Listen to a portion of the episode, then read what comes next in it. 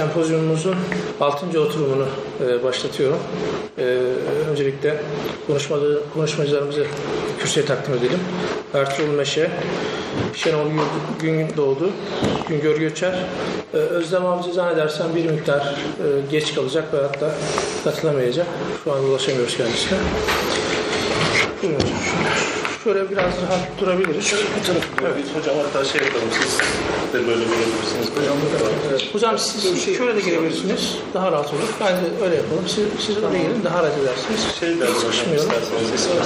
Tamam onu arkadaşlar ayarlarlar.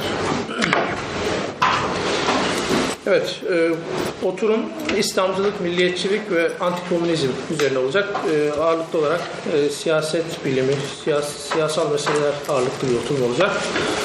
E, ben sözü çok fazla uzatmadan konuşmacıların da daha fazla e, görüşlerini paylaşması açısından çok uzatmadan sadece konuşmacıları takdim etmek istiyorum. Ertuğrul Meşe bize 1960 öncesi İslamcı dergilerde antikomünizm meselesini anlatacak. Ertuğrul Hocam Sivas doğumlu ama Kayseri'de büyüdüğünü söyledi. Ee, Süleyman Demirel Üniversitesi'nde sosyoloji, e, Selçuk Üniversitesi'nde de e, da sadece yüksek lisans yaptığı yazıyor. E, şu anda hocam e, Giresun Üniversitesi'nde öğretim görevlisi olarak e, görev alıyor.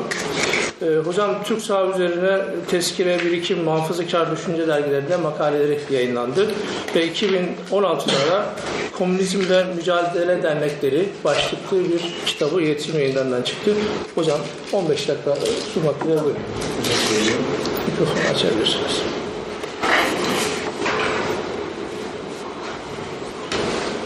Bize hayırlı sabahlar. Biraz daha yakın çıkıyoruz. Size e, dergileri anlatmayacağım. Çünkü dergileri getirdiler. Herkes anlattı. Sadece burada şu antikomünist temayı uygulamaya çalışacağım. E, antikomünist temayı uygulamadan önce biz işte siyasi tarihte e, antikomünizm kelimesini çokça geçiyoruz ama bunun Türkiye'deki serencamı e, nasıl olmuştur? İç ve dış kaynakları nelerdir? Bunlardan bahsedeceğim. E, ve bunun da sadece üç dergideki görünümlerine dair kısa geçişler yapacağım. Diğerlerini metinden takip edebilirsiniz. Şimdi antikomünizm nedir diye sorduğumuzda antikomünizm bir tepki ideolojisidir. E, ve kaynağını e, ABD'nin e, Marksizmi, daha doğrusu Batı kapitalizminin Marksizmi okuma biçiminden alır. E, ve ilk ortaya çıkmaya başladığı dönem işte Ekim 1917 devrimi yapıldıktan sonra Batı'da oluşan e, sistem kaymasından alır. Buna duyulan tepkiden alır. Ve bu anlamıyla baktığınız zaman e, aynı zamanda anti-Marksizmdir antikomünizm, anti-Leninizmdir, anti-Stalinizmdir. Bunları çoğaltabiliriz. Yani antileri başına ekleyebiliriz. Antikomünizmin e, bir ideolojik tepki olarak ortaya çıkmasında özellikle e, Birinci ve İkinci Dünya Savaşı arası dönemde ortaya çıkan propaganda teknikleri çok etkili olmuştur. Özellikle bu noktada Amerika hasır sayılır bir e, külliyata ve birikime sahiptir. Özellikle Amerika'da kurulan işte e, Amerika aleyhine e, gelişen faaliyetleri araştırma komisyonu gibi komisyonlar e, ve bunun daha sonra işte McCarthy döneminde e, komünist cadavına dönüşmesi şeklinde Cereyan, Cereyan'den mesela olaylara baktığımızda burada e, özellikle antikomünizmin entelektüel tabanının oluşturulduğunu, buradaki üretilecek, daha sonraki süreçlerde kullanılacak e, eğitimin buralardan üretildiğini rahatlıkla gözleyebiliriz. E, bizim Türkiye'de antikomünizmin seyri ise Amerika'daki gelişen antikomünizmin seyriyle aynı. E, o- onu birazdan açıklayacağım ama e, şeye baktığımız zaman antikomünizmin işte tarihi seyrine baktığımız zaman olabildiği kadar negatif bir anti şey komünizm tanımlaması yapılır. İşte, e, dünyada şeytanın e, en musibet hali komünizm ve komünistlerdir. E, beladır şeklinde, sapıklıktır şeklinde bir algılama var. E, Bunu söyleyebiliriz. E, Peki şeye baktığınız zaman antikomünizmin aşamalarına baktığınız zaman e, özellikle üç tane aşamasını görürsünüz. pratik olarak. İşte birinci aşamayı anti-Sovyetizm, anti-Leninizm ve anti-Marksizm oluştururken ki daha çok bu 1920'ler civarında seyreder. İkinci aşamayı ise burada oluşacak işçi sınıfını e, kapitalizme karşı bir tehdit olarak algılama yeter. Bundan dolayı da işçi sınıfı oluşumunu engelleme kaygılarını biz burada görebiliriz. Daha sonra da nihai amaçta sosyalizm gibi fikirleri ve sistemleri tamamen yıkıp bertaraf etmeyi içerir. Yine aşamaları anlatmaya ve birbirinin üzerine bindirmeye devam edersek, birincisi Bolşevik devrimini tamamen dünyadan yıkmak ki merkezini ABD oluşturur. İkinci aşama olarak da Avrupa'da ortaya çıkan özellikle özgürlük karşıtı fikirleri yıkan ama aynı zamanda e, bunu milliyetçi bir versiyonla böyle harmanlayan, işte sosyalizmi harmanlayan e, özellikle Hitler e, ve Mussolini İtalya'sındaki uygulamalar gelir. Üçüncü aşamada e, Soğuk Savaş dönemi antikomünizmdir ki ben özellikle buraya yoğunlaştım. E, esas antikomünizmin böyle halk katına indiği ve insanların gündelik yaşam pratiklerini belirlediği dönem bu dönemdir. Bunu söyleyebiliriz. Bu dönemde e, özellikle Amerika'da e, 200'ü aşkın e, üniversitelerde e, ve özel e, teşekkürlerde e, antikomünist merkezler kurulmuştur. İşte Rockefeller Vakfı'na kadar hepsi bunun altındadır. Bütün sermaye çevreleri bunu desteklemiştir ve parasal destek yapmıştır. Yine aynı dönemde 1940'lar gibi dönemde Almanya'da e, bu konuda çalışmalar, oluşumlar meydana gelmiştir. Ama Hitler devrildikten sonra tamamen e, Almanya'da, özellikle bizi en çok etkileyen yerlerden biri ABD, diğeri de Almanya'daki kurulan antikomünist teşekkürlerdir ki bunun da sayısı sadece Almanya üzerinde baktığımızda 50'yi aşkındır. İngiltere yine buna ilave Fransa ilave edilir. NATO'ya giren bütün ülkeler bu çerçevede değerlendirilebilir. Ee, bu e, ülkelerde antikomünist teşekkürler meydana gelmiştir ve bunların kullandıkları materyaller kaynak itibariyle baktığınız zaman ABD merkezidir genel olarak. Çünkü internete girip de antikomünizm yazdığınızda görseller kısmına tıkladığınızda aynı görsellerin hem Türkiye'de Türkçe versiyonunun kullanıldığını, Almanya'da Almanca versiyonunun kullandığını, işte Rus sürümünden kaçanları işte kendilerinin yanında tutabilmek için Rusça ibarelerini kullandığını görürsünüz. İşte ahtapot resmi, iskelet resmi, yılan resmi, işte yılan resminde mesela işte kılıç batırılır yılanın karnına. Bizim Türkiye'de oradaki kılıcın kabzasında Türk bayrağı vardır. Almanya'da Alman bayrağı vardır. Fransa'da Fransız bayrağı vardır şeklinde bir yapılanma var. Bunu söyleyebiliriz.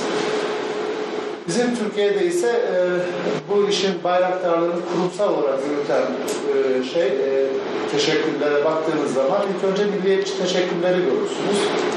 Özellikle işte Türkiye'deki kurulan Milliyetçiler Birliği, Milliyetçiler Federasyonu bunun e, çatı örgütlerinden biri olmak istemiştir ama nihayetinde dağılmıştır.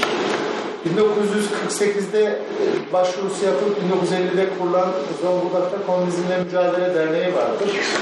Bu dernek ilk faaliyetlerini özellikle şehirdeki e, fabrikatörlerden destek alarak yürütmüştür.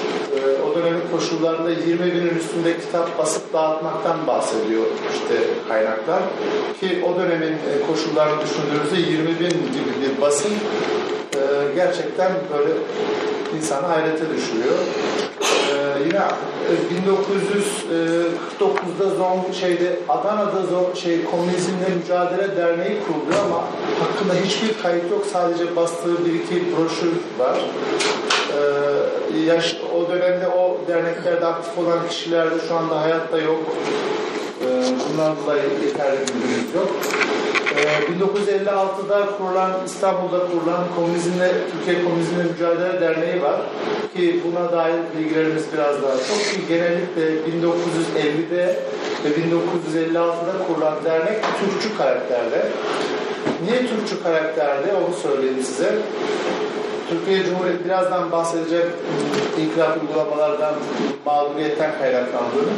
Çünkü hükümeti eleştirmek o dönemde, devletle sorununuzu gündem etmek e, ancak ne olabilir? Devletin de karşı olduğu bir şeyi siz de eleştirirseniz onun gözüne girebilirsiniz şeklinde daha çok Türkçü karakteri var ve adında Türk ibaresi yok. Yani hep Komünizmle Mücadele Derneği şeklinde geçmiştir. Milliyetçiler Derneği şeklinde geçmiştir. Bunu söyleyebiliriz. Bir de 63'te kurulan dernek var ki Türkiye'deki en çok etki sahasını geniş tutan dernek budur. Bu dernek ilk zamanlar Türkçü karakterlidir ama daha sonra 1967'den itibaren de İslamcı karaktere bürünmüştür ki bu noktada MTTP'nin tarihiyle komünizmle mücadelenin tarihi örtüşür. Aynı dönemde orada da bir İslamcılaşma vardır. Komünizmle mücadele derneklerinde de vardır. ki son kurultaylarında kurultay bildirileri tezimiz İslam'dır sloganıyla bitmiştir. Ee, Daha sonra da 1970'lerden sonra pasifleşmiştir bu dönem. Çünkü ondan sonra Aykut Edibali'nin işte başını çektiği yeniden mücadele e, devreye girmiştir vesaire. Oraya girmeyin. Yani genel olarak baktığımız zaman Türkiye'deki komünizmle mücadele pratiğinin antikomünist bir zihniyet oluşturduğunu rahatlıkla söyleyebiliriz.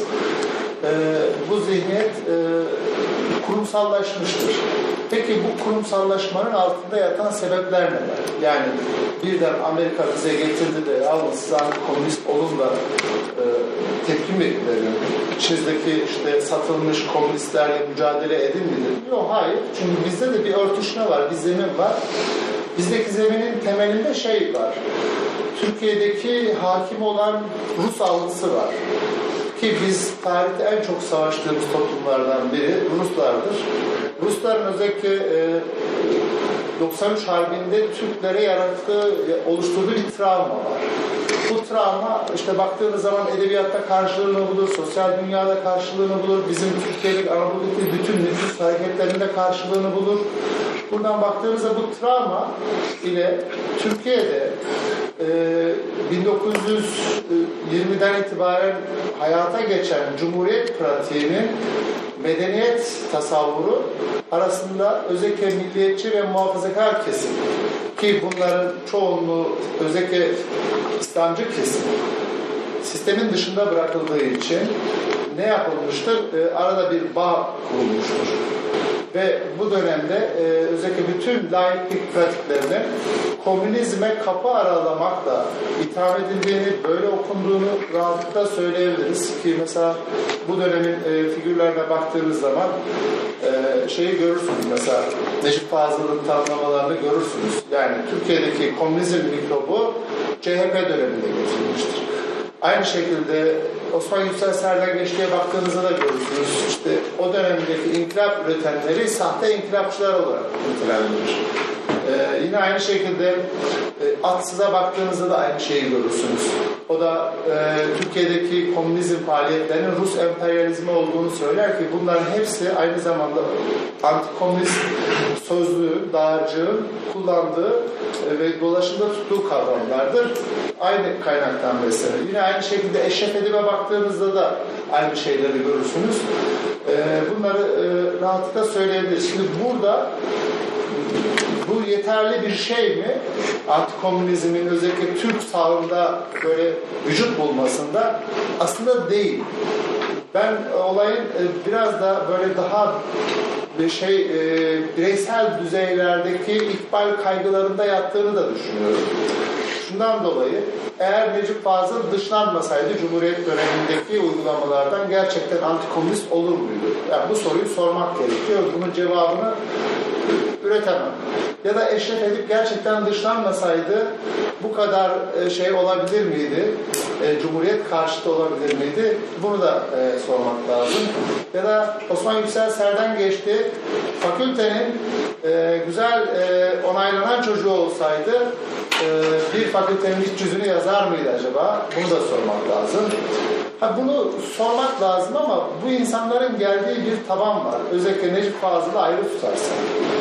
Ee, ya da işte Eşref Edip'i ayrı tutarsak özellikle e, Osman Yüksel Serden geçtiği gibi Anadolu'nun köylerinden gelen insanları düşünürsek bunların geldiği sosyal dünya olabildiği kadar muhafazakar duyarlılıkları yüksek, İslami anlamda geliştirdikleri e, hayat tasavvurları daha yüksek bireyler.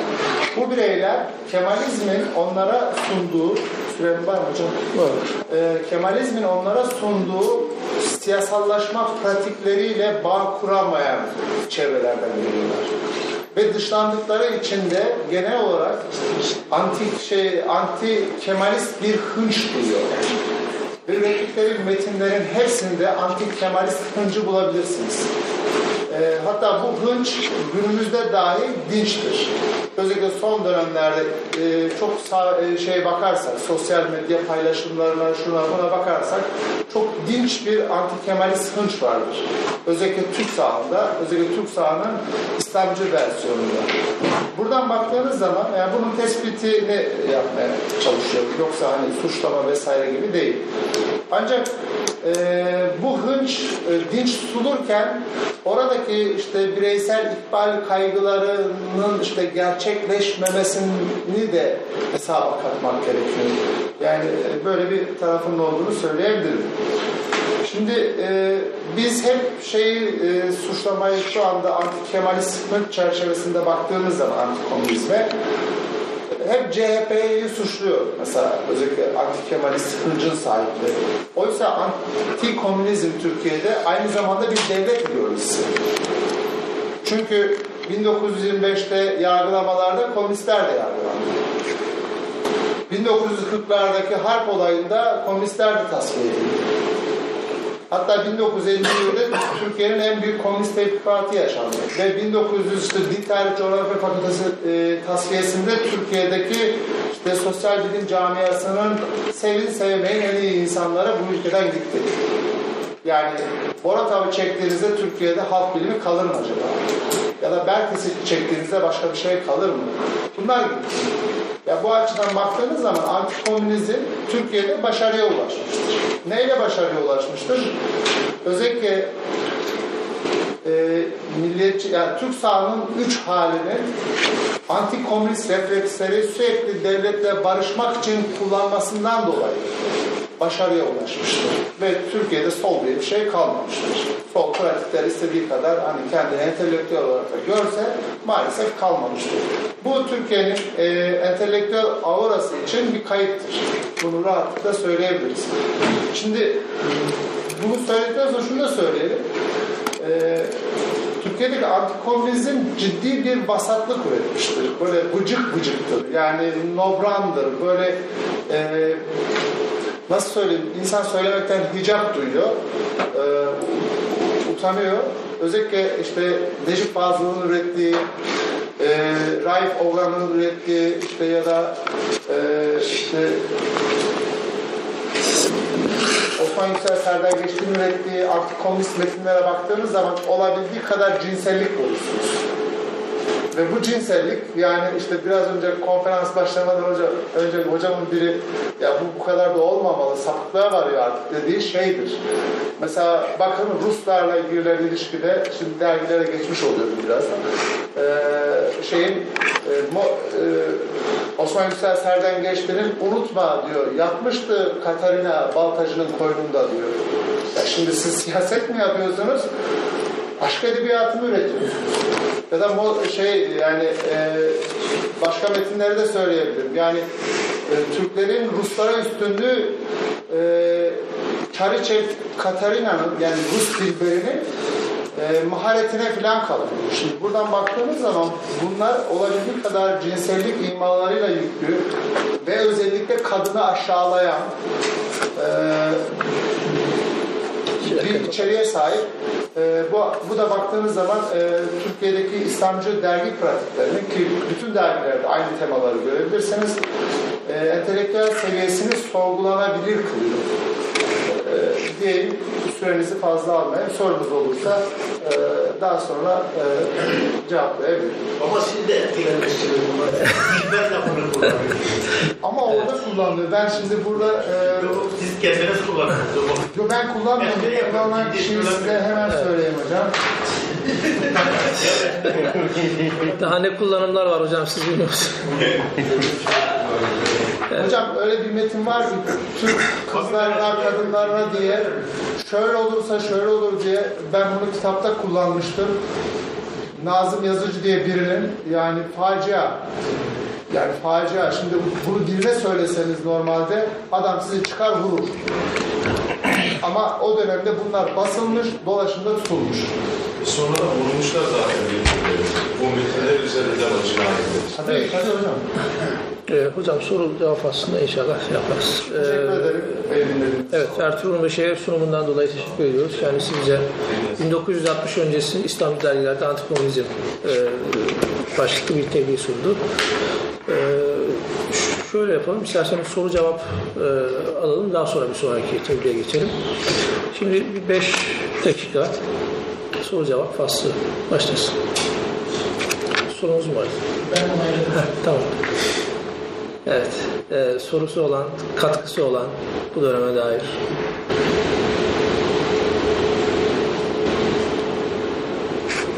Buyurun hocam. Ben ufak bir katkı yapmak istiyorum. Ya bir soru sormak istiyorum. Ya bu özellikle e, hani CHP'nin e, komünizmle yüksek teması e, 50'lerde çok diye getirdi. Çok ciddi bir şekilde getirdi. Hatta işte yani belki unutulan yıllarda bunu şey yapmak, bunu naksetmek için uzun uzun aslında e, Türkiye'nin işte e, Marshall Planı'na e, CHP döneminde dahil olduğu, e, işte CHP döneminde bir komünizm eğitiminin oluşturulduğu, hiçbir içinde CHP'nin aslında Demokrat Parti'den daha sert bir içinde e, devlet refleksiyle antikomünist olduğunu vurgulamak zorunda hissediyor. Ama bu sanki böyle e, yıllarca da şeyde kalan, e, yani gündemde kalan bir e, fikir. Tabii özellikle e, 1970'lerde CHP'nin daha sola kayması da herhalde geriye dönük bir şey. 50'lerde tekrarında da böyle olmuş olsa Tuz biber ekliyor. gerektiği bir şey var. Fakat şurada da var tabii yani. Özellikle mesela bu ben kadrocular üzerinde çalışmıştım bir dönem. Yani bu kadrocular e, üzerinde Kemalizmin sol Kemalizm olarak adlandıracağımız bir kısmı 1920'lerin sonu 30'larda biraz da Sovyetlerdeki kalkınma hızına hayranlıkla biraz da oradaki anti-emperyalizme e, karşı, batıya karşı verilen savaşa hayranlıkla Sovyetlerin değerli Kurtuluş Savaşı'na vermiş olduğu desteğin e, e, bir yakınlaşma var. Yani Türkiye'nin e, Sovyetlere böyle sonrasında olduğu kadar işte öfke, bir düşmanlık hissi de yok. Kemalizmin bir kanında yakın e, Sovyetlere. Sosyalizme hiçbir zaman belki değil ama yani oradaki politikalara öykünme söz konusu.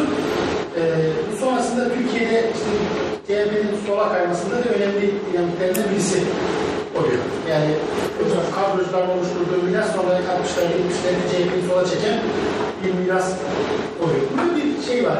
Devlet refleksi var. Bu açık. E, komünizme karşı. Yani bir BK sorunu. Yani aslında onlar nasıl ki Kurtuluş Savaşı'nda Batılı emperyalist güçleri işgalci olarak görüyorlarsa Sovyetlerin zaten hafıza da var. Moskova hafızası var. Zihni. Yani 200 yıldır Ruslarla savaşın tarihi ve Osmanlı'nın yıkılışı Ruslarla savaşla gerçekleşmiş bir yıkılış. Yani bütün o kritik şeylerde Ruslarla savaş bir jeostratejik bir kavga hakkı var. Yani bu hafızanın oluşturduğu bir izlek var mı İslamcıda ellerde? Yani bu Osmanlı'nın hep bu şeyle, Tabii. hep Ruslarla olan savaşın neticesinde yıkılmış olması. Yani devlerin tabiriyle inhitatın tarihinin Ruslarla ilişkili bir tarih olmasının da etkisi var mı? Var. e, biz bunu nerede gördük? Ben güncel bir olaydan örnek vereyim. Biliyorsunuz Türkiye'de e, uçak düşürme olayı oldu. Oradaki e, üretilen bütün söylemlere bakın. E, Türkiye'deki Rusların nasıl algılandığını çok diri bir örnek. Ben genel bu sizin değerleri karşılığı Var. nedir bunun? Daha somut oradan cevap verebiliriz. var e, ama ben daha şey e, örnek vermek için ama aynı e, şey e, ilişki ne oldu işte Batı'yla girdiğimiz gerilim ilişkide Rusya'yla barıştığımızda nasıl aynı kulvarda koştuk bu açıdan baktığınızda bizim Ruslarla girdiğimiz ilişkide yani Türkiye Cumhuriyeti'ndeki deki benzer şey var yani tınılar var. E, bakıyorsunuz e, bu çerçevede mesela Karadeniz'deki bazı küçük sahil kasabalarında Ruslara karşı ata binmiş, eline kılıcı tutmuş e, adamlar denizin oradan Rusya'ya karşı cenge kalkmış oluyor. Böyle heykeller var.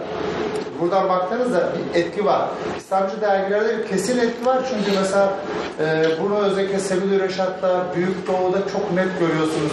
Hatta e, Serden Geçti'de Kanlı Rus zulmünde görüyorsunuz. Oradaki bu yazılarda rahatlıkla izleyebiliyorsunuz. Şunu ilave etmeme izin verin. E, Türkiye'deki e, CHP'nin işte komünizme kapı araladığı yönündeki dillendirilen en büyük şey aslında e, biraz da mit. E, Türkiye hiçbir zaman bir dirsek teması olmuş olsa bile, Türkiye'de kadro diye bir dergi çıkmış olsa bile, hatta Türkiye Komünist Partisi kısmen de olsa Atatürk'ün de etkisiyle kurulmuş olsa bile, bu toplumda komünizm e, bir devletin onayladığı politika olmadı. Hatta CHP bu noktada e, işte kısmen Anadolucuların girmesiyle birlikte bakın mesela 1947-48'den itibaren Türkiye'de mecliste komünizmle mücadele komisyonları kuruyor. Ve bunu CHP'liler kuruyor. Yine aynı şekilde 1951'de e, TBMM'de yapılan gizli bir oturumda e, bir askeri yargıç Türkiye'deki bütün e, süreci anlattığı, verdiği bilgiden sonra CHP başta olmak üzere bütün o dönemin milletvekilleri onay veriyor. Hani şunu da görmek gerekiyor. Türkiye'deki kom- antikomünist olmak demek devletin nezdinde mu- muteber vatandaş olmak demek. Antikomünist olmak demek siyasal basamakları rahatlıkla yükseliyor olmak demek. Bakın mesela tarihteki çıkmış bütün antikomünist kişiliklere şu anda Türkiye'nin çok iyi yerlerindedirler. Ölmüş de olabilirler. Mesela Necip Fazıl. Değil? Türkiye'nin ölmez üstadı. Demirel. Tam matbaasını basanlardan biridir. Cumhurbaşkanı oldu mu? Oldu. Ya da işte Türkçülerden bahsedelim. Türkeş. Türklerin ölmez başbuğu değil mi? Ya da işte Osman Yüksel Serden geçti. Daha küçük e, şeylere de gidebiliriz. Peyami Safa. Milli Eğitim'in resmi yazarıdır. Peyami Safa okumadan Türkiye'de hiçbir çocuk mezun olamaz okullardan. Bu açıdan bakılabilir yani. Buyurun, buyurun hocam. Ama şimdi şöyle bir şey var yani CHP'nin şey olduğunu en ilginç göstergelerinden biri bu insan hakları cemiyeti var. Bu şeyde 40'lı yılların sonlarında bir de şey var yani görüşler dergisi var. Orada Menderes, Fuat Köprülü falan buna şey yapıyor. Bir de bir hikayeyi bir kenara bırak. 1951'de veya 50'de Nazım Hikmet'in affı Demokrat Parti zamanında oluyor. Yani şimdi e, şeyde Demokrat Parti'de e, CHP'de Demokrat Parti'yi e, antikomünizmin yeterince olmadığı şeklinde tutuyor. Yani bu şey muhtemelen bu dergilere de yansımış. Benim merak ettiğim hikaye şu. Yani Türkiye'de belki her, her şey ifratla tefrit arasında gidiyor. 1960'lı yıllarda sizin meslekte vardır muhtemelen. E, Türkiye'de sosyalist bir takım yazarlar veya demokrat olarak nitelenecek bir sürü yazarlar Sovyetler Birliği anıları yazıyor. Yani Sovyetler Birliği sanki dünya cenneti gibi anılar yazdı. Bu tür e, şeyler de yaklaşımlar da bu antikomünizm e, e, antikomünist cenahta e, tepkinin biraz mı? Ve bu tür metinler sizin e, taradığınız bu dergilerde var mı? Dergilere çok yansımamış ama şunu söyleyeyim. Genel olarak eğilimin yumuşamasında Türkiye'deki yapılan ağır sanayi hamlelerine Rusya'nın ekonomik desteği var. Yani mesela Türkiye'deki işte Seydişehir Demir Çelik nasıl şey alüminyum şeysi nasıl kuruldu? Bizden çıkmadı yani Rusya bu noktada. Bu tür e, sıcak şeyler var. Mesela Fethi Tevetoğlu da gittiğinde benzer şeyleri yazıyor. Yani evet bir şey var yani yumuşama var ama e, bu yumuşamaya da ABD'nin çok izin verdiğini de hani söylememek de gerekiyor. Vermiyor çünkü. Özellikle bunu kanlı pazar olaylarında çok net görüyoruz. Mesela özellikle şey, Şevket Eygi ve onun oluşturduğu ekipte görüyoruz. Evet, e, daha sonra vaktimiz olduğunda e, inşallah alırız. Evet, şimdi ikinci, hocama teşekkür ediyoruz sorularından dolayı. E, Şimdi ikinci tebliğe geçiyoruz. İkinci tebliğimiz millet ve milliyetçilik hakkında. E, Yani e, İslamcılık gibi ümmetçi, evrenselci bir yaklaşıma sahip olan bir anlayışın e, belki etnik, belki seküler kökenleri olan bir milliyetçilik anlayışıyla veya anlayışına nasıl baktığı, belki bir yönüyle de bir turnusol görevi görebilecek bir e, kavram, kavramsallaştırma bizim için. E, yani e, şimdi Şenol Bey'in e, sunumunu dinleyeceğiz. E, kendisinin ilginç bir tespiti var, onu e, dinleyeceğiz. Bir tür milliyetçilik olarak okuyoruz zannedersem e, İslamcılığı. Ee, Şenol Bey'i ben size takdim edeyim. Şenol Bey e, Bilkent e, siyaset bilimi mezunu. 2010 yılında mezun oldu ve daha sonra aynı üniversitede yüksek lisans yaptı tarih bölümünde. E, şimdi de 2014'ten beri Ankara Siyasal Bilgiler Fakültesi'nde araştırma görevlisi olarak görev alıyor. E, çalışma alanları da Türk modernleşmesi ve düşünce tarihi üzerine. E, Şenol Hocam sizin e, yani bir sonraki dördüncü konuşmacı olmadığı için bir 17-18 dakika civarı bir tebliğ sunabilirsiniz. Çok fazla uzatmayı düşünmüyorum Tamam, zaten. Herkesi hürmetle selamlıyorum. Şimdi bu iddialı bir cümle. İslamcılık bir milliyetçilik midir? Ben bunu şöyle okumaya çalışıyorum. Şimdi bunun bir tarihsel arka planına bakmak lazım. 19. yüzyılda neler oldu da bu işte Yusuf Akçura'yı e, 19. yüzyılın başında, 20. yüzyılın başına doğru e, üç tarzı siyaseti yazmasına sebep oldu. Şimdi modern devletin doğuşunun e, Osmanlı'da tezahürlerini görüyoruz. İşte Tanzimat sonrası kurumsallaşmalar, Tanzimat öncesi işte e, kurumsal modernleşme çabalarını görüyoruz. Bu 18. yüzyılın sonundan hatta daha öncesine de götürebiliriz bu tartışmaları da çok uzatmaya gerek yok. 19. yüzyılda çıkan çöküş söylemi bence e, modern devletin oluşturulmasıyla birlikte bir toplum tezahürü ortaya çıkartıyor ve bu toplum tezahürlerinin öyle ya da böyle bir şekilde milliyetçilik tanımına sonradan geleceğim. Neden böyle bir şey söylediğimi de söyleyeceğim. Milliyetçi ideolojilerin kendisini ortaya çıkartıyor. İlk başta işte Osmanlıcılığı görüyoruz. Sonrasında işte Namık Kemal ve sonrasında bu da tartışmalı bir konu. İslamcılığı görüyoruz. En sonuna doğru da Türkçülüğün ve sonrasında Cumhuriyet ve Kemalist ideolojileri biliyoruz. Şimdi bu milliyetçilikten kastımız biraz bizim şey. işte Fransız devriminden sonra ya da Amerikan devriminden sonra çıkan milliyetçilikler gibi bir milliyetçilik değil tabii ki. Çünkü konunun bir tanımı var biliyorsunuz. Hiçbir milliyetçilik birbirine benzemez. Her ülkede farklı şekilde yaklaş, e, tezahür etmiştir. Ben buradan yola çıkarak e, kendimi kurmaya çalışıyorum. Bu bir geç kalmışlık milliyetçiliğine dahil edebiliriz. İşte imparatorlukların yıkılmasıyla ortaya çıkar. Ve bunu bir geç modern milliyetçilik olarak tanımlayabiliriz. Yani reayadan tebaaya, tebaadan da millete nasıl dönüşebiliriz? Hibrit ideolojilerini görüyoruz burada.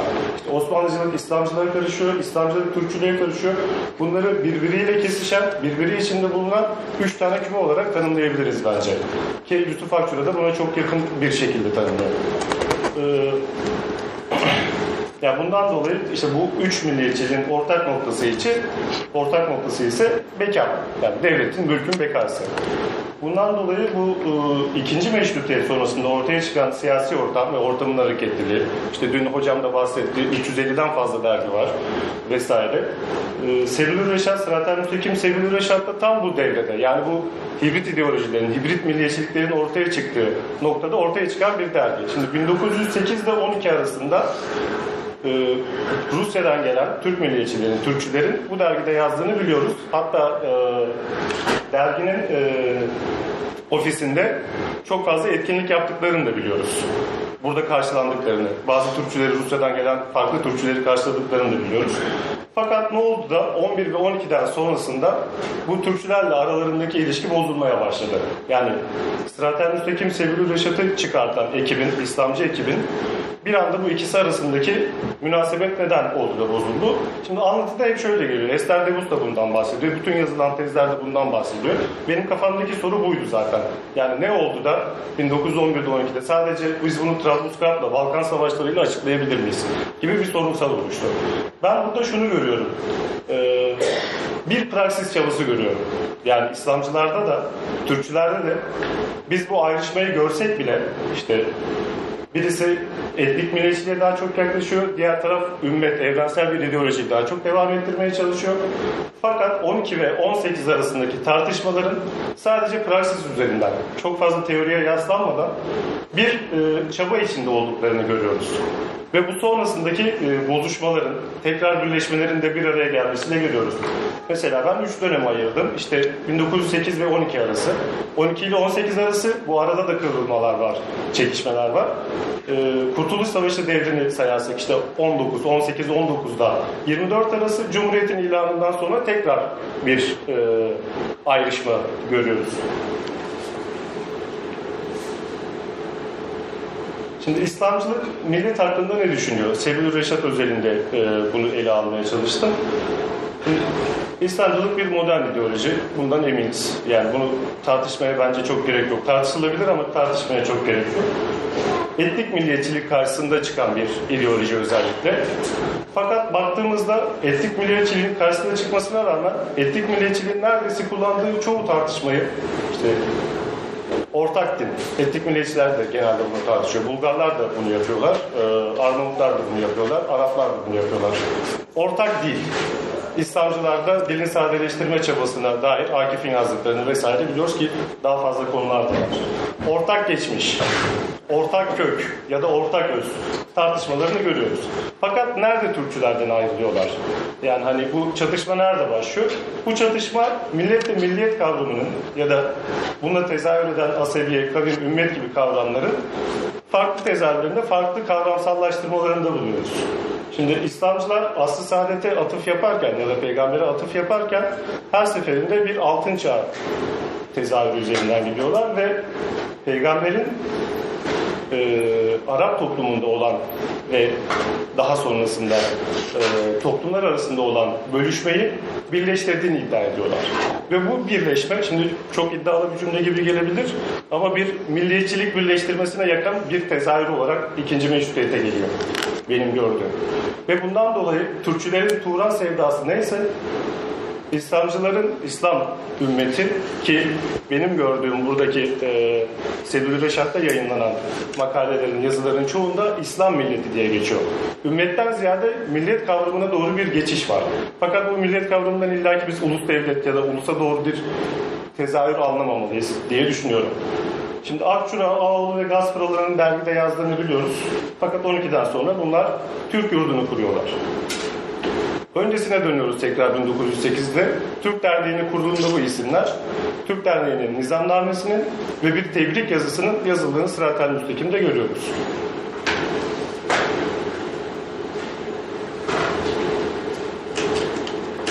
Şimdi birkaç örneğe geçelim. Yani herhalde e, çabamın ne olduğunu anlamaya çalışmışsınızdır. İşte farklı bir milliyetçilik tezahürü var. Geç kalmışlıktan e, dolayı Osmanlı'da.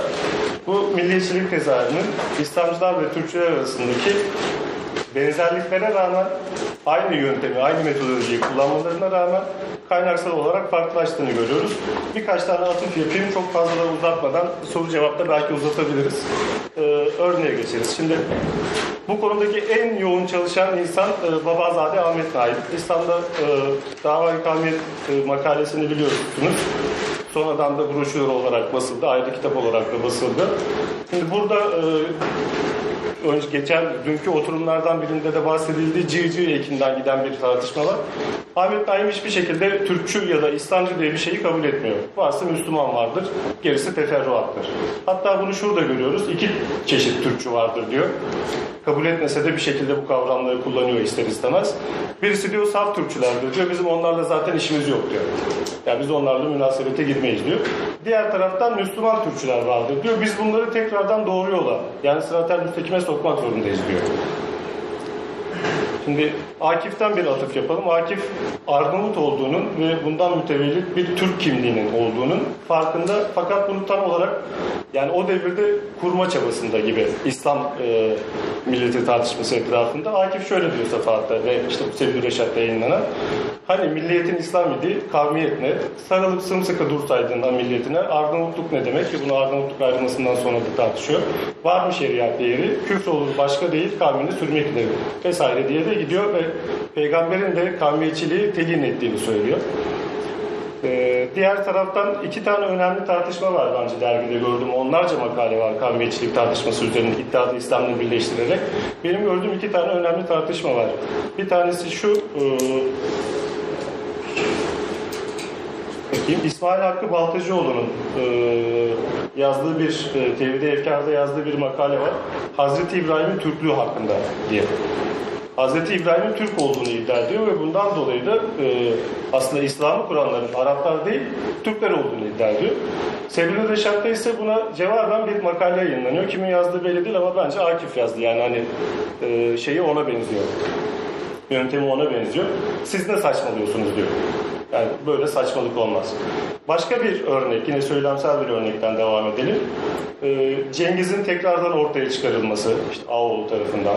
Atilla'nın övülmesi, bundan dolayı Macar Türkçüleriyle bir birleşme çabasının gelinmesi gibi tartışmalar var ve Kızıl Elma tartışmasının, Turan tartışmasının İslamcılar çok ağır bir şekilde telin ediyorlar. Yani böyle saçma şeyler olmaz diyorlar.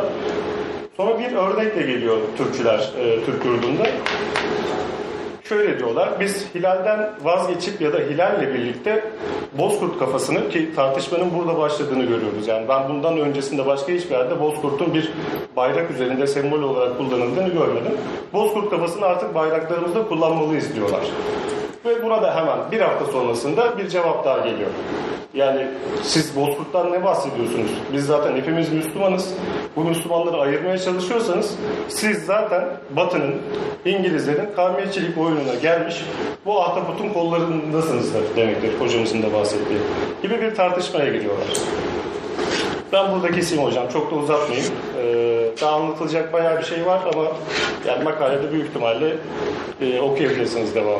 Evet, soru cevap faslına daha fazla e, vakit ayırabiliriz bu şekilde.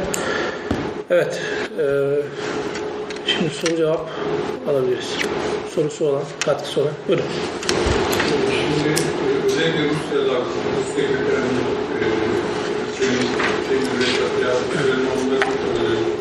Milli anlatıştıklarını söyledi. Sıratel Müstakim'de yazıyorlar hocam. Sevgili Reşat'a çok kaymıyorlar yani orada çok yok. Bir iki tane gördüm ben. İlginç bir isim var. Geçenlerde seyahatnamesi yayınlandı. İşi var diye. Kayıplar Mehmet Akif'in yakın arkadaşlarından hatta Serhat Sakin ortaya onun dönemin marifetlerle ödüllendirilen Hamdi'nin halinde kitabı da var. O seyahatnameyi okurken bütün söylediklerimizdeki ilginç şeyler gördüm. Çünkü mesela İstanbul'un belki de pek hoş görmeyeceği bir takım şeyler diğerleri bol bol kırmızı.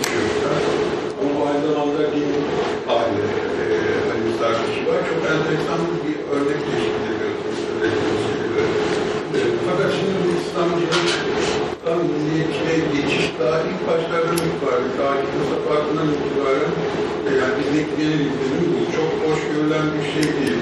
Hatta millet kelimesinin Kur'an kelimindeki bağlamından yola çıkarak sanki artık millet kavramına bir anlam yüklemeye çalışıyor. Ee, o da şey, millet aslında ümmet demek veya işte kavim değil. Yani millet kelimesi Kur'an siz millet İbrahim milletinden söyleniyor. Yani bir inanç topluluğu. Pakistanlıların bu arka plana, bu bilgi arka plana da sahip olduğu için bu kavramın e, içini baştan beri böyle dolduruyor gibime geliyor. Ha, sevgili Reşat'ta da, pardon, Sırat Müstakim'de de buna bunu düşünen örnekler yer almış olabilir ama bu sizin dediğiniz kadar e, acaba hani İslamcılığın bir milliyetçilik, birebir milliyetçilik olduğunu e, düşünülecek boyutlarda değil gibi geliyor bana. Yani şöyle bir iddiam yok zaten. Buradan bir uluslu çıkarma gibi bir iddiam yok. Sadece milliyetçiliğin e, öyle bir iddiayı yapsam zaten büyük ihtimalle aforoz edilirim. Yani yapılmaz da çıkmaz buradan öyle bir şey. Yani çabalamaya gerek yok. Ama milliyetçiliğin metodolojisini sonuna kadar kullandığını görüyoruz İslamcılığın. Yani o da şudur. Şimdi bir anda bir millet tezahürü var klasik Osmanlı yapısında. Bu da nedir? İşte farklı e, dini kimliklerin kendi cemaatleri içerisinde kullandığı bir millet kavramsallaştırması var. Ama 19. yüzyıla geldiğimizde de ya da 20. yüzyılın başına geldiğimizde ne oldu da bir anda tekrardan ümmeti biz İslam milletine doğru çekmeye başladık? Yani tam olarak da burada başlıyor. Yani Türk milleti ya da Türkçülük ya da atıyorum diğer milliyetçilikler işte Arnavutçuluk, Arapçılık karşısında farklı bir öz, farklı bir e, ortak geçmiş, farklı bir tarih Türkçülerin ortaya çıkarmaya çalıştığında paralelinde bir tartışma olduğunu görüyoruz. Ve burada da İslam milletini tekrardan asr-ı saadetten, Kur'an'dan bir yeniden kavramsallaştırıp ortaya çıkarmaya çalıştıklarını görüyoruz. Bu da tam da milliyetçiliğin yapmaya çalıştığı şeylerden birisi. Yani bir işte ulusların birleştiği, Arap şeylerin, e, İslam uluslarının birleştiği bir İslam devleti tezahürü çok fazla yok. Böyle bir şey görmüyoruz.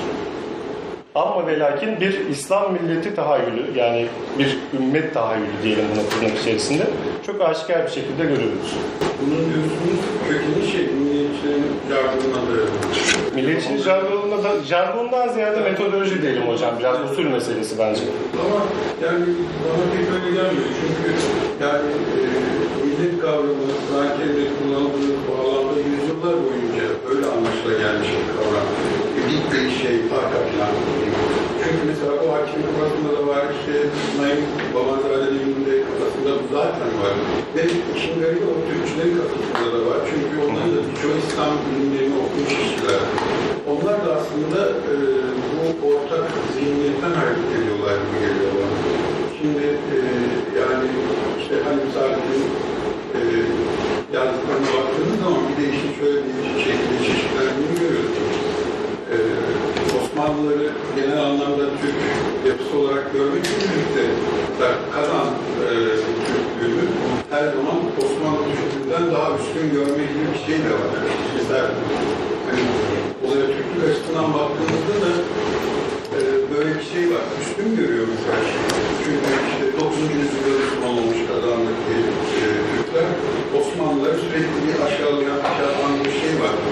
Tepkili şartlar Sırat-ı Müslim'de yazmasına rağmen, Akif'in dostu olmasına rağmen e, mesela Kazakistan işlerinde seyahat ederken oradaki e, tanıştığı vatandaşlardan bir çocuğun İstanbul'da okumak için göndermek istediğini söylüyor. E, çok bunalıyor bir şey karşısında ona gönderme diyor ama sebebini açıklamıyor. Çünkü kesinlikle Kazakistan'da yaşayan bir Müslümanın çocuğunu İstanbul'a gönderip eğitim görmesini istemiyor. Çünkü arka planda mesela bu Osmanlı Türklüğüne karşı Bu çok görülen bir şey değil hocam ama söylediğiniz. yani, Yani aslında. Ben, hani, ben genelde tam tersini gördüm yani burada okuduklarımda özellikle. Ee, Mesela Rusya Türklerin çoğunda Osmanlı Türklüğüne karşı bir şey var. Antipati aslında. Yani şimdi şöyle cevaplayayım. Akif'te vardı zaten kafasında başına çekeyim muhabbeti ya da diğer İslamcıların kafasında bir İslam milleti tezahürü vardı diyorsunuz ama şimdi 18. yüzyılın sonuna gittiğimizde bu tezahürü çok fazla da görmüyoruz. Özellikle siyasi ideoloji olarak görmüyoruz. Neden, ne oldu da 20. yüzyılın başında çıktı tartışması geliyor ki bu tam olarak da Türkçülüğün karşısında kendilerini tekrardan, ben şunu söylemiyorum, bu toplumun düşünce sisteminde İslam milleti gibi bir tahayyül yoktu da bunlar çıkardı gibi bir şey söylemiyorum. Ama tekrardan kavramsallaştırdılar ve bunu bir ideoloji olarak kullandılar ve söylemselleştirdiler. Bir şey sorabilir miyim? Buyurun hocam. Şimdi e, derginin kendi e, yazılarını ve kadrosunun dönemlere ayırdınız. E, biz şimdi o e, soruyu burayla ilgili e, sormak istiyorum.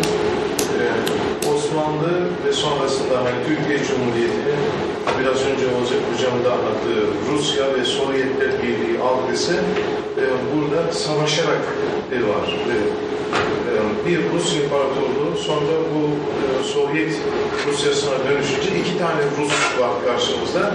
Bizdeki algısı böyle devam ediyormuş gibi biraz renklendirerek onu komünist olduktan sonra şöyle o, o anti komünizm propagandaları eklenerek e, Ruslarla il, ilişki o savaş üzerinden devam ettiriyor.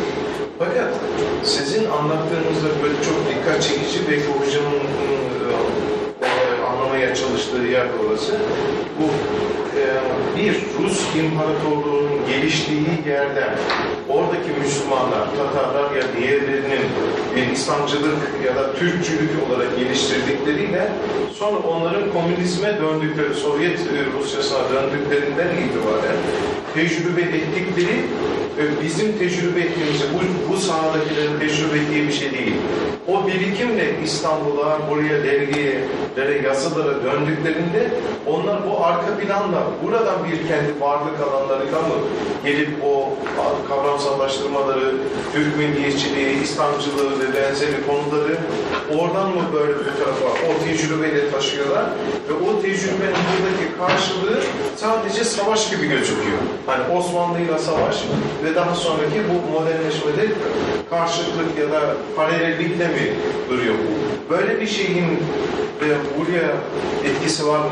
Bilmiyorum. Tam sorabildim mi? Anlaşıldı mı acaba? Yani anladım Rusya'dan gelenleri, Rusya'dan gelen Türkçülerin özellikle Türkçülük ve İslamcılıktaki etkisinin Evet. Rusya'nın tarihinin bir kökeni var mıdır? Evet, bir şey sordunuz siyasal, onların da kendi modernleşme ve siyasal Ya tabii ki ister istemez var. İşte Akçura'nın meclise girdiğini biliyoruz.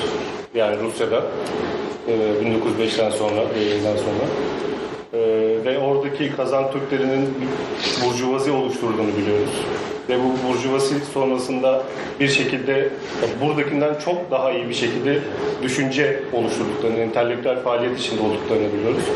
Bunun Türkçülüğe de ister istemez tezahürleri var, İslamcılığa da tezahürleri var ama en başında bir şey söylemiştim. Ben belki oraya bağlayabilirim. Bu İslamcılık ve Türkçülük de yani bugüne kadar etkisini de görüyoruz hibrit ideolojiler genelde. Yani birbirleriyle çok karın bağları var. Burada kavga etseler de kavga ettiklerine dikkat ediyorsanız İslamcı olan Türkçüler değil. Daha çok İslam'dan sapmış olanlara bir küfür var. Diğerleri sadece yolundan yani doğru yoldan sapmış olanları döndürmek var. Bundan dolayı Rusya'nın etkileri olmuş olsa da bunu en nihayetinde iddialı İslam'a bağlıyorlar bence. Yani oradan bir ortaklık kurmaya çalışıyorlar ki bunu e, Rusya'dan gelen Türkçüler de yapıyor bir nebze. E, yapmayanlar da var illa ki tabii ki. Yani oradan başka bir tartışmaya gidebiliriz. Ben buna çok bakmadım ama başka bir tartışmaya gidebiliriz yani. Yani benim veya buraya gelen, oradan buraya gelenlerin buradaki hikayeleri üzerinde devam ettiğimizi düşünüyorum. Onları besleyen ana çizginin e, buradaki çizgiyi güçlendirdiği ya da ahatları belirli olarak e, böyle makas değiştirilmesinde hızlandığı bu katkıları var. Birikimli adamlar. Ama buradakiler onların bu arka planlarının oradaki yaşadıkları orada onların bir e, düşünsel tecrübe ve siyasi olarak işgale uğramış e, ma, e, mağlup olmuş gibi hani bir sürü bir şey var. Onlar da o gerilimle geliyor. Biz sadece Sovyetler Rusya ile Rus İmparatorluğu bir savaş üzerinden Tam öyle değil hocam İslamcılar açısından. Bir örnek vereyim. 17 sonrasında, devrim sonrasında şey, Sevil Reşat'ın Rusya'ya girmesi yasaklanıyor. Ee, zorla bir şekilde kazan Türklerine gönderiyorlar. Yani böyle bir örnek vereyim. Oranın farkındalar yani. Hani hala da o bağların Rusya içinde çektikleri sıkıntının farkındalar ve o bağlantıyı kurmaya çalışıyorlar ki Sıraten Müstekim zamanında derneği bildiğiniz bir e, İstanbul için şeye bağlıyorlar. Yani bir buluşma noktası Rusya'dan gelenleri. Bundan dolayı çok şey değil. Birbirlerini e, harmanlayan ve birbirlerini daha fazla yükselten bir şeyden bahsedebiliriz bence. evet, Farkındalık var yani. Yani ben e, Şenol Hocam'ın e, bu milliyetçilikle devlet oluşu, ulus devlet kurma arasındaki bağ, metodolojik bağ uygulaması ve önemli. Yani en nihayetinde Osmanlı'nın son döneminde bir devlet oluşturma, bir bürokrasi kurma, bir ulus içinde oluşturma arayışları var ve burada İslam'ın kavram ve söyleminde bir miktar o milliyetçi literatürye bulaştı. Çok gerçekten belki bundan sonra uygulanması gereken e, bir nokta. Bunu eleştirmek için de söylemiyorum. Bu alanında gerçekleşen bir e, yeni bir devlet kurma usulünün bir parçası olabilir. Fakat burada nüanslar var. Yani bazıları mesela zamanla e, milliyetçiliğe e, ya da ulus fikrini daha kabule doğru evrilen bir seyir arz ediyor. Ama mesela ulus devletlerin oluştuğu, yani Osmanlı'nın parçalarının farklı kavramlı ulus devlet tecrübesinin oluştuğu dönemlerde bile e, ulus- ulusçu dile, yani milliyetçiliğin pejoratif anlamıyla e, tek bir kavmiyetçiliğe indirgen dile savunmayan da bir kesim oluşturuyor İslam'da. Yani bu neredeyse ortak bir hafıza olarak geliyor. Ya ben e, e, bu değişmenin dinamini oluşturan şey nedir onu merak ediyorum. Osmanlı varken yani İslam milletine bu yapmak, e, kavmiyetçiliği reddetmek anlaşılabilir. Ama ulus devletler oluştuktan sonra statüsündekinin sevgili Reşat'ın sonraki dönemi, sonraki İslamcı hafıza yine aynı refleksi koruma çabası içerisinde oldu. Yani işte Bamazade'nin İslam'da davaya kabiliyeti bir şekilde hep o tarzı. Mehmet Akif'in Arnavutlu eleştirisi, Arnavutçuluğu eleştirisi hep sürdürüldü. Türkiye'de bir hatla çıktı yani. Türkçülüğe karşı işte İslam milletinin bildiği insanlar İslamcılık hatla çıktı. Bu hatta ortaya çıkan dinamik ne? Neden peki o zaman ulus devlet oluşturma tekniği, milliyetçiliğin yöntemi, İslamcılığın dilini, e, kültürüyle değiştiremiyor? Yani şimdi şöyle bir durum ortada söz konusu İslam, buradaki en önemli nokta İslam. Yani başka hiçbir şey değil. Ve bununla beraber buna paralel olarak bazı zamanlarda üstünde bazı zamanlarda altında Osmanlı Devleti. Resmi tarihin ve genel yaygın tarihin e, söylediklerini tekrarlamış ediyor gibi olacağım ama Müslüman olmayan milliyetçiliklerin geldiği noktanın farkında İslamcılar. İşte Bulgaristan'ın ayrılması, Yunanistan'ın ayrılması vesaire vesaire. Ve bu onlarda Osmanlı Devleti'nin bekasını ve mülkün bekasını geçmişe yönelik olarak baktıklarında o işte yani usulü kadim dedikleri bu kuvvetli imparatorluk dedikleri tartışmalarda e, bir köksüzleşmeye doğru yol açtığını düşünüyorlar kavmiyetçiliğin. Ve bundan dolayı da e, Müslüman kavmiyetçiliklerin yani Müslüman etnik milliyetçiliklerinin ortaya çıkmasını hem Osmanlı Devleti'ne bir küfür hem İslam'da olan kurallara bir küfür ve aynı zamanda da kendi yaptıkları o anda yaptıkları, ürettikleri praksise dair bir ters çıkış olarak görüyorlar.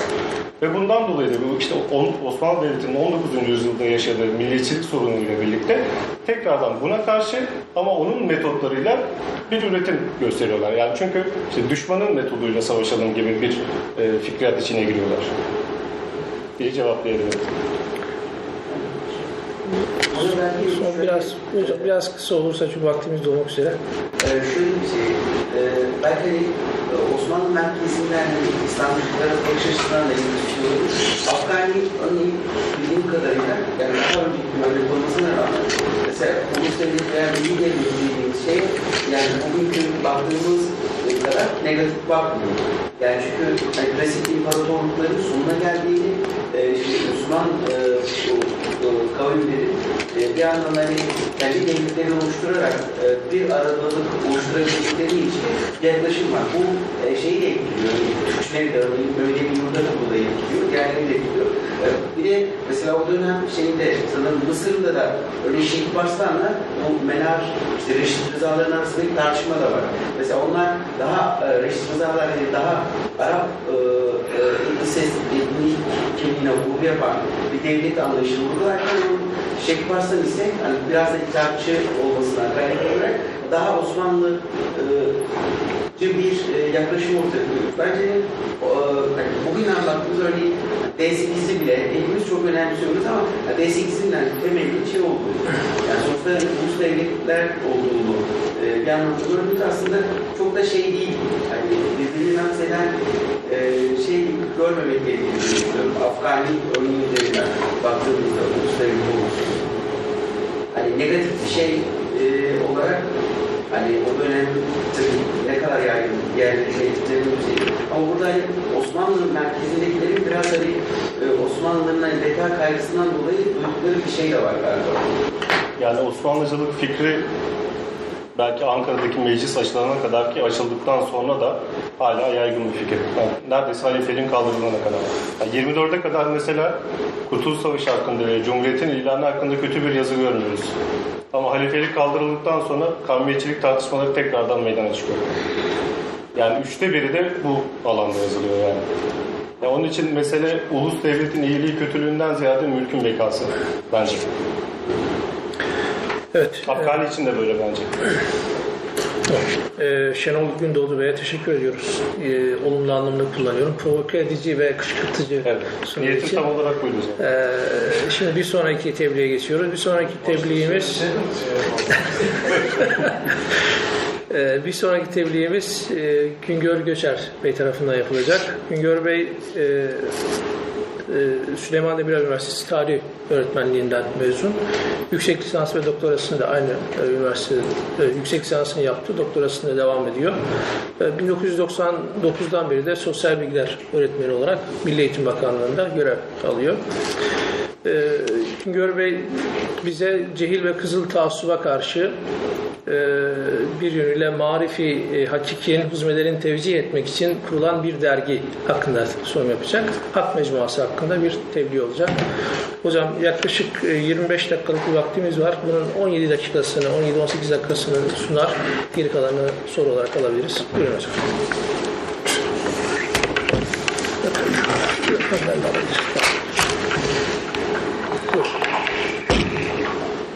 Teşekkür ederim. Hepiniz hoş geldiniz. Ee, Cehil ve Kızıl Taassuba Karşı Hak Mecmuası e, 1949 yılının Haziran ayında başlayıp Temmuz ayının ortasında yaklaşık yaklaşık değil 6 sayı olarak sona eren ve 8'er sayfadan oluşup 48 sayfalık bir e, araçsal metindir bana göre. E, çünkü araçsal metin olmasını biraz sonra açıklayacağım. E, Ziya Şakir e, olarak bilinen Ziya Şakir Soko tarafından yayınlanmaya başlamış ve 6 taneden oluşan yazar kadrosunun zaten bir tanesi Ziya Şakir sahibi ve e, müdür olarak. Bunun dışında diğer isimler de Ziya Şakir'in müstahar isimleri ya da Ziya Şakir'in yazdığını düşündüğümüz yeni müstahar isimler. E, Hak Mecmuası'na geçmeden önce aslında bir Ziya Şakir kimdir ya da niye böyle bir dergi çıkarmıştır buna bir bakmak lazım. Çünkü Ziya Şakir e, 1883 yılında doğup 1959 yılında İstanbul'da vefat eden ve gençlik yıllarının büyük bir kısmını 2. Abdülhamit döneminde yaşayan ve e, babasının asker olmasının nedeniyle 2. Abdülhamit'in e, yönetim anlayışından buna istibdat da diyebilirsiniz ya da farklı bir isim de verilebilir ama genel kabul istibdat olarak e, sürgüne uğramış. Halep'te e, idadi eğitimini almış ve İstanbul'a tekrar geri döndüğünde de e, hukuk mektebine başladıktan sonra bir taraftan çocuklara mahsus mecmua, bir taraftan da hanımlara mahsus mecmuanın yönetiminde bulunmuş. Bu dergileri çıkarmaya çalışmış. Ancak e, ikinci meşrutiyet öncesinde ikinci Abdülhamit'e karşı ortaya çıkan moda bir akım olarak e, meşrutiyet taraftarlığına meyletmiş. Cemiyeti İnkilabiye ve İttihat ve Terakki cemiyetlerinde bulunmuş e, bir isimdir. E, fakat meşrutiyetin ilanından sonra iddiaçılarla arası bozuk çünkü e, meşrutiyetle Ziya Şakir'in beklediği şey aslında örtüşmemiştir. Sonradan ortaya çıkan e, iddiatçı yönetim anlayışı e, 2. Abdülhamit'in yönetim anlayışını aratır bir vaziyette karşısına çıkmıştır. Bunun üzerine e, sahibi bulunduğu Genç Türk gazetesini bir süre Fırka-i İbad'a, Osmanlı Demokrat Fırkası'na verir. Fakat e, bu verme üzerine iddiatçılar tarafından sözlü ve fiili saldırıya uğradıktan sonra e, Ziya Şakir 12. sayıda Zehir Zemberek Dahiliye Nazırı Talat Paşa'ya bir mektup yazar. Siz milleti ifade ediyorsunuz başlığıyla ve bu yazıdan sonra e, Mısır'a kaçar. Bir süre Mısır'da kalır. Sonra orada sinemayla ilgilenir. Trablus e, İtalya'ya geçer. Sonra İstanbul'a geri döner ve iddiaçılar tarafından yakalanıp Sinop'a sürgüne gönderilir. Sürgün sonrasında yine Talat Paşa affeder ve Talat Paşa'nın affından sonra Balkan Harbi'ne katılır. Balkan Harbi'nden sonra e, Birinci Dünya Savaşı döneminde Talat Paşa'nın yönlendirilmesiyle Bursa'ya gidip Ertuğrul gazetesini çıkarır ve Kurtuluş Savaşı dönemine kadar da bu gazeteyi idare eder. Ee, Ziya Şakir'in tarih e, Cumhuriyet dönemiyle birlikte yazarlık dönemi başlıyor. Yani e, Osmanlı'da başlıyor ama Cumhuriyet dönemi fiilen artık kendisini bir yazar, bir muharrir olarak isimlendirebiliriz. Çünkü geçim kaynağını da artık yazarlıkla sağlamaya başlamıştır. Hiç çıkmadan ve çok velut denilebilecek tarzda yüzlerce tefrikadan oluşan e, tarih, edebiyat ve dini alanlarda olmak üzere birçok tefrika ve kitap kalemi almıştır. Ee, Şimdi Ziya Şakir'in bir de dini tarafı vardır ki dini tarafı bizim için e, dergiyle bakıldığında e, çok da örtüşmüyor. Çünkü Ziya Şakir Alevi Bektaşi bir aileye mensuptur. Aslen Sivas'ın Divri e, ilçesinin Bahtiyarfen köyünden olup İstanbul'da doğma büyümedir ama Bektaşilik ve Alevilik ailesel bir temeline dayanmaktadır. Bunu zaten Cumhuriyet döneminde yazdığı ikinci e, tefrikasında Bektaşilik olduğunu rahatlıkla anlayabiliyoruz. Çünkü e, bu eser 1931 yılında Menemen Hadisesi'nin hemen sonrasında yazılmış ve Bektaşiliğin o dönemin e, resmi ideolojisi yani Türk İslamı ya da e, e, Türklükle e, Türkçenin daha fazla kullanıldığı bir din algısı oluşturmaya e, dolaylı olarak e, hatta belki de doğrudan hizmet ettiğini düşünebiliriz. Çünkü Bektaşilik adlı eserinde Türklerin işte zeytinyağı kokan camilerdeki yeknesel ibadetlerden çok haz etmediklerini, e, bunun dışında anlamadıkları ne kadar tumturaklı ve etkileyici olsa da Arapça ibadetlerin Türklere çok haz vermediğini ifade etmiş ve o dönemde hatta kendisinin ifadesiyle devlet kadrolarından gelen yönlendirme ile Bektaşilik tefrikasını daha da uzattığını söylüyor. Daha sonra Bektaşi nefeslerini ve Bektaşi fıkralarını da kaleme alıyor ama Ziya Şarkı bir taraftan da Hz. Muhammed'in hayatını, e, arkasından e, Hz. Hatice'yi, Hz. Fatma'yı, Hz. Hamza'yı, Hz. Ali'yi hayatıyla yani o dönemki e, kendi yazım ekseni doğrultusunda yazıyor. Bu nedenle Ziya Şakir Ehl-i Beyt taraftarı ve özellikle Sünnilik ve Şiilik noktasında e, Şii'yi ve Şia'yı e, daha çok önceleyen bir üsluba sahip ve bu üslup doğrultusunda da e, Emevilerin e, özellikle dini noktada ciddi anlamıyla bir zulmettiğini, e, dinle aslında aralarının olmadığını ifade ediyor ki bunun e, kaynaksal temel olarak da e, Hititli bir Türk asilzadesi olan Azer'e, Azer'in torunu Hazreti İbrahim'dir. Onun oğlu da İsmail'dir. Hazreti İbrahim oğlu İsmail'i Hicaz'da Cebren bir kabileye Hazreti İsmail'i bırakır. Neden bırakmıştır ya da niye bırakmıştır bununla ilgili herhangi bir açıklama olmadan doğrudan bırakma hadisesi anlatılır. Ve bu hadise sonrasında da Hazreti İsmail Arap kabilesinde çok sevilir. Çünkü Türklük özelliklerinin tamamını bünyesinde barındırıyordur. Ve bunun sonrasında Arap asilzadelerinden birinin kızıyla evlenir. Ve bunun sonrasında ortaya çıkan Hazreti İbrahim'in e, soyundan gelenlerden birisi de Kureyş ailesidir. Ve bu Kureyş ailesi de zaten Hazreti Muhammed'in ailesi olması hasebiyle Hazreti Muhammed de Türktür. Onu ifade etmiyor. O bizim sonuç olarak ulaştığımız noktadır. E, bunu ortaya koyuyor. Bir onu söyleyeyim. Ee, şimdi e, böylesi bir anlayışa sahip olan Ziya Şakir e, 1949 yılında Hak Mecmuası denilen bir mecmua yayınlıyor. Mecmuada e, Alevilik ya da Bektaşilik ya da Şia noktasında dikkati çeken herhangi bir yazı yok. E, belki sadece Hazreti Ali, Hazreti Ali öğütlerinin her sayıda mutlaka bulunması ifade edilebilir ama Hazreti Muhammed'in hayatını anlattığı bölüm de var. E, Klasik bir siyah kitabından herhangi bir farkı yoktur. 6 sayıda sadece işte Rahip Bahira'ya kadar olan kısmı anlatabilmiştir ama o e, genel anlamda herhangi dikkat çekici bir özel vurguya sahip değildir. Zaten orada bir vurgunun olması da pek beklenmez. Bunun dışında 2. Abdülhamit'i yazmıştır. 2. Abdülhamit'in e, din ve siyaset görüşlerini. Burada 2. Abdülhamit'e karşı Ziya Şakir'in e, özel bir önem affettiğini Hak Mecmuası'nda görebiliriz ama bu e, onun daha önce yazmış olduğu 2. Abdülhamit'le ilgili İkinci Abdülhamit'in son günleri, 33 sene e, Yıldız Sarayı'nda bir harem ağasının e, hatıraları şeklindeki eserlerde de İkinci Abdülhamit'e karşı hayranlık demesek de o dönemde ortaya çıkan e, Kızıl Sultan, istibdatçı, baskıcı padişah imajının dışında daha orta yolu bulmaya çalışan bir yaklaşım sergilediğini görüyoruz ki burada bizce en önemli neden İkinci Abdülhamit dönemindeki İkinci Abdülhamit'in e, etrafındaki birçok devlet adamının Bektaşi kökenli ya da Bektaşi olmasının etkili olduğunu düşünüyoruz. Çünkü 2. Mahmut Bektaşiliği kaldırdığında ona karşı büyük bir öfke duymuştur Ziya Şakir. Bunu eserlerinde dile getiriyor. Osmanoğulları e, devletin kurucu unsurlarından birisi olan Bektaşiliği yasaklayıp onun tak, e, tekkelerini yıkmakla e, bir anlamıyla e, geçmişine de büyük bir kan ve leke sürmüştür ve bu kan Osmanoğulları'nın elinde kalacaktır tarzında bir genel bir yaklaşımı var. E, fakat 2. Abdülhamit'e karşı söylediğim nedenlerden dolayı daha olumlu bir imaj sergiliyor. Şimdi e, Cehil ve Kızıl Tasub'a karşı Hak Mecmuası'nda ise demin de söyledim Bektaşilik ya da Şia ya da e, Ehl-i Beyt taraftarlığı ile ilgili bir şey yok. E, ilk girişte zaten Hak Mecmuası adlı bir e, imzalı yazıda amacın sahabe dönemi safiyetine ve samimiyetine İslam'ı döndürmek olduğunu ve bunu yaparken de e, Müslümanların kardeşliği noktasında bir hareket zemini oluşturmaya çalıştığı ifade ediliyor ki derginin içerisindeki yazılardan birisinde e, Müslümanlar arasındaki mezhepsel farklılığın temelinin halife anlayışı, halifelikteki halifenin kim olacağı sıkıntısına dayandığını ve bu noktadan hareketle de e, bu duruma ilaveten kişisel ve şahsi çıkar menfaat ilişkilerinin de buna eklendiğinde aslında e, büyük bir sorun ortaya çıktığını ve bu sorunun 1949'da 50'li yıllarda daha da arttığını ve Müslümanların içinde bulunduğu e, özellikle müstemlekeci devletlerin kontrolü altında yaşarken bu sorunların etkili olduğunu doğrudan ifade ediyor. E, dergideki önemli yazılardan birisi bize bir ilmihal lazım başlığıyla yayınlanıyor. Yalçınkaya ismiyle ve büyük bir ihtimalle ben Ziya Şakir olduğunu düşünüyorum. Çünkü Ziya Şakir'in 1929 yılında ilk yazdığı tefrika Meçhul Asker'dir. Meçhul Asker'de Kaya Bey'den e, alıntılar var. Kaya Bey diye kendi anılarını yazar ve Yalçınkaya olarak da bunun devam ettiğini düşünüyorum. Ee, Bize bir İlmihal Lazım adlı bölümde Ziya Şakir e, 1924 ile 1949 yılları arasında gençlere dini eğitim verme noktasında büyük bir fetret devrinin yaşandığını ifade ediyor.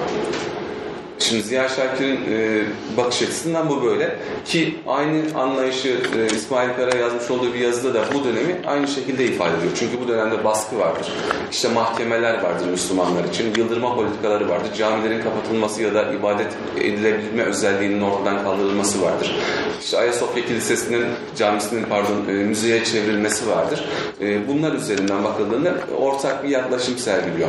Ve Ziya Şakir 1949 yılında gençlerin dini bilgi noktasında yetersiz oldukları ifade ediliyorsa bunun gençlerin hatası değil, onu e, mecburen o hale getirenlerin sorumlu olduğunu ifade ediyor ki bu nokta oldukça önemli çünkü 1949 yılında Demokrat Parti'nin kurulmasında Ziya Şakir'in aktif olarak e, aktif olarak demeyelim de e, Celal Bayar Ziya Şakir'i e, partiyi kurmadan önce ziyaret eder yanında bir kişiyle beraber ve onun fikrini alır. Orada e, bir görüşmeleri vardır çünkü e, Celal Bayar ile Ziya Şakir'in dostlukları Balkan Harbi öncesine kadar gider e, ve e, ölene kadar da devam etmiştir. Bu nedenle Demokrat Parti'ye karşı bir yakınlık duyar ve bu yakınlığın etkisiyle de e, büyük bir ihtimalle böylesi bir tavır takılmıştır diye düşünüyoruz. Çünkü bu dönemde Millet e, Partisi'nin de demokratların işte e, din düşmanı olduğu, laikliği din baskısı olarak, dine bir baskı aracı olarak kullanmayı tahayyül ettikleri şeklindeki propagandalar vardır ki Ziya Şakir bunların hiç de doğru olmadığını çünkü Celal Bayar'ın babasının Gemlik müftüsü olduğunu ve dini anlamda iyi bir eğitim aldığını ve bu eğitimin etkisiyle de Ziya, e, Celal Bayar'ın laikliği hiç de bir baskı aracı olarak değil, devletin layık olabileceği şeklinde anladığını ve insanların e, din ve mezhep ve ibadet özgürlüğünü sonuna kadar koruma amacına taşıdığı şeklinde bir yaklaşım sergilemiştir. Son e, sayıda, 6. sayıda böyle Demokrat Parti'nin din politikası şeklinde başlığı bir yazıda da bunu dile getirmiştir. Ee, Şimdi e, dergideki e, bize bir ilmihal lazımdaki önemli hususlardan birisi de şu.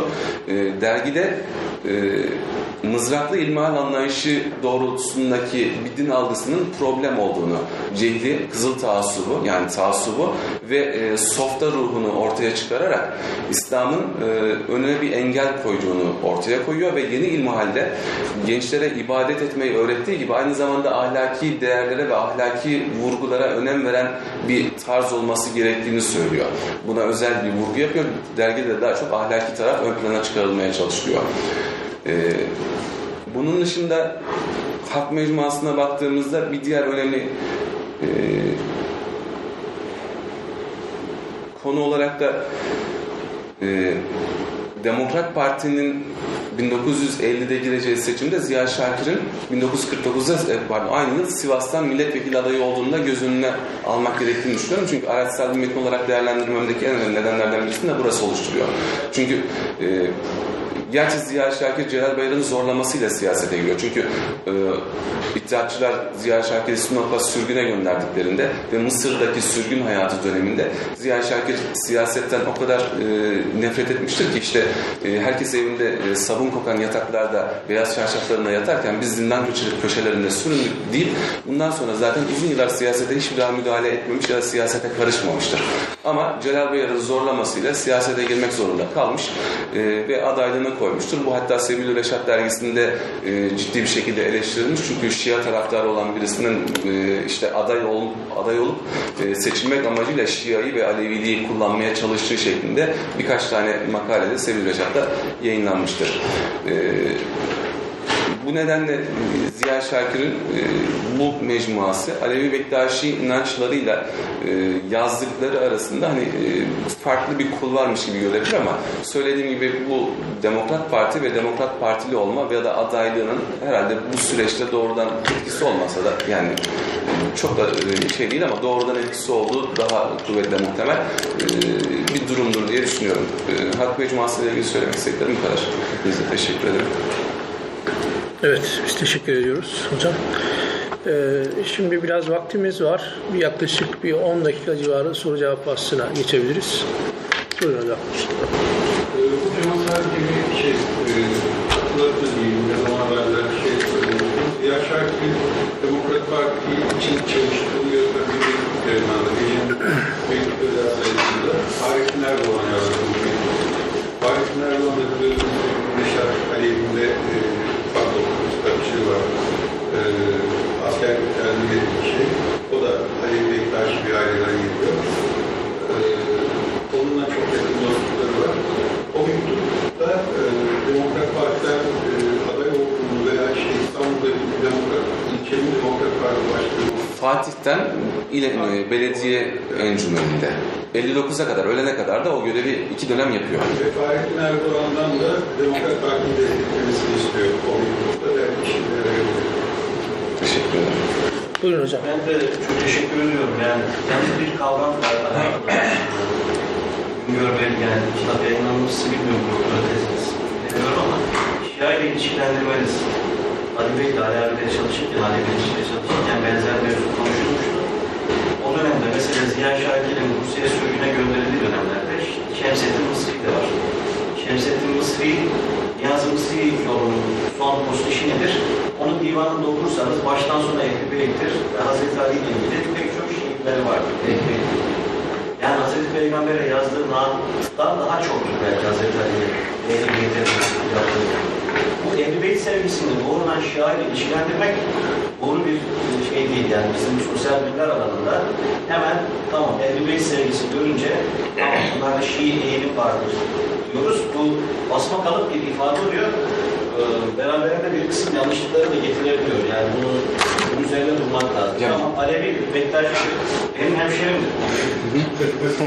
yani ama Hemşe, hemşirecilik yapmıyorum hocam. Yani Yok ben Şii olarak, e, yani Şia derken belki orada e, haddini aşan bir ifade tarzı olmuş olabilir ama yani şey anlamda Ehl-i Beyt taraftarlı olması, Kerbela olayına yaklaşması ya da işte Abbasiler döneminde Abbasilerle e, olan mücadeleler ya da Emeviler döneminde Haşim, e, Haşimiler arasındaki yani Ehl-i Beyt taraftarlar arasındaki mücadelelerde yani Şia tabirini Ziya Şakir kendisi kullanıyor.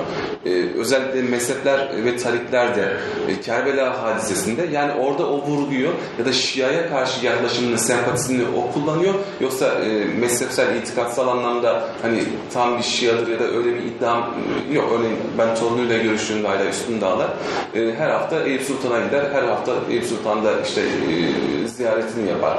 E, çeşitli türbeleri gezerdik. Hatta orada işte türbelere el sürüp işte oralara bir şeyler bırakıp o tarz şeylere çok kızardı şeklinde bir e, yaklaşım var. Ramazan Ramazan e, dönemleriyle ilgili olarak torununun yine anlatmış olduğu önemli hadiseler var. Hani o anlamda değil ama e, bu dinle ilgili yazmış olduğu metinlerde daha çok kendisi o kavram, yani Şia kavramını ön plana çıkarıyor o anlamda.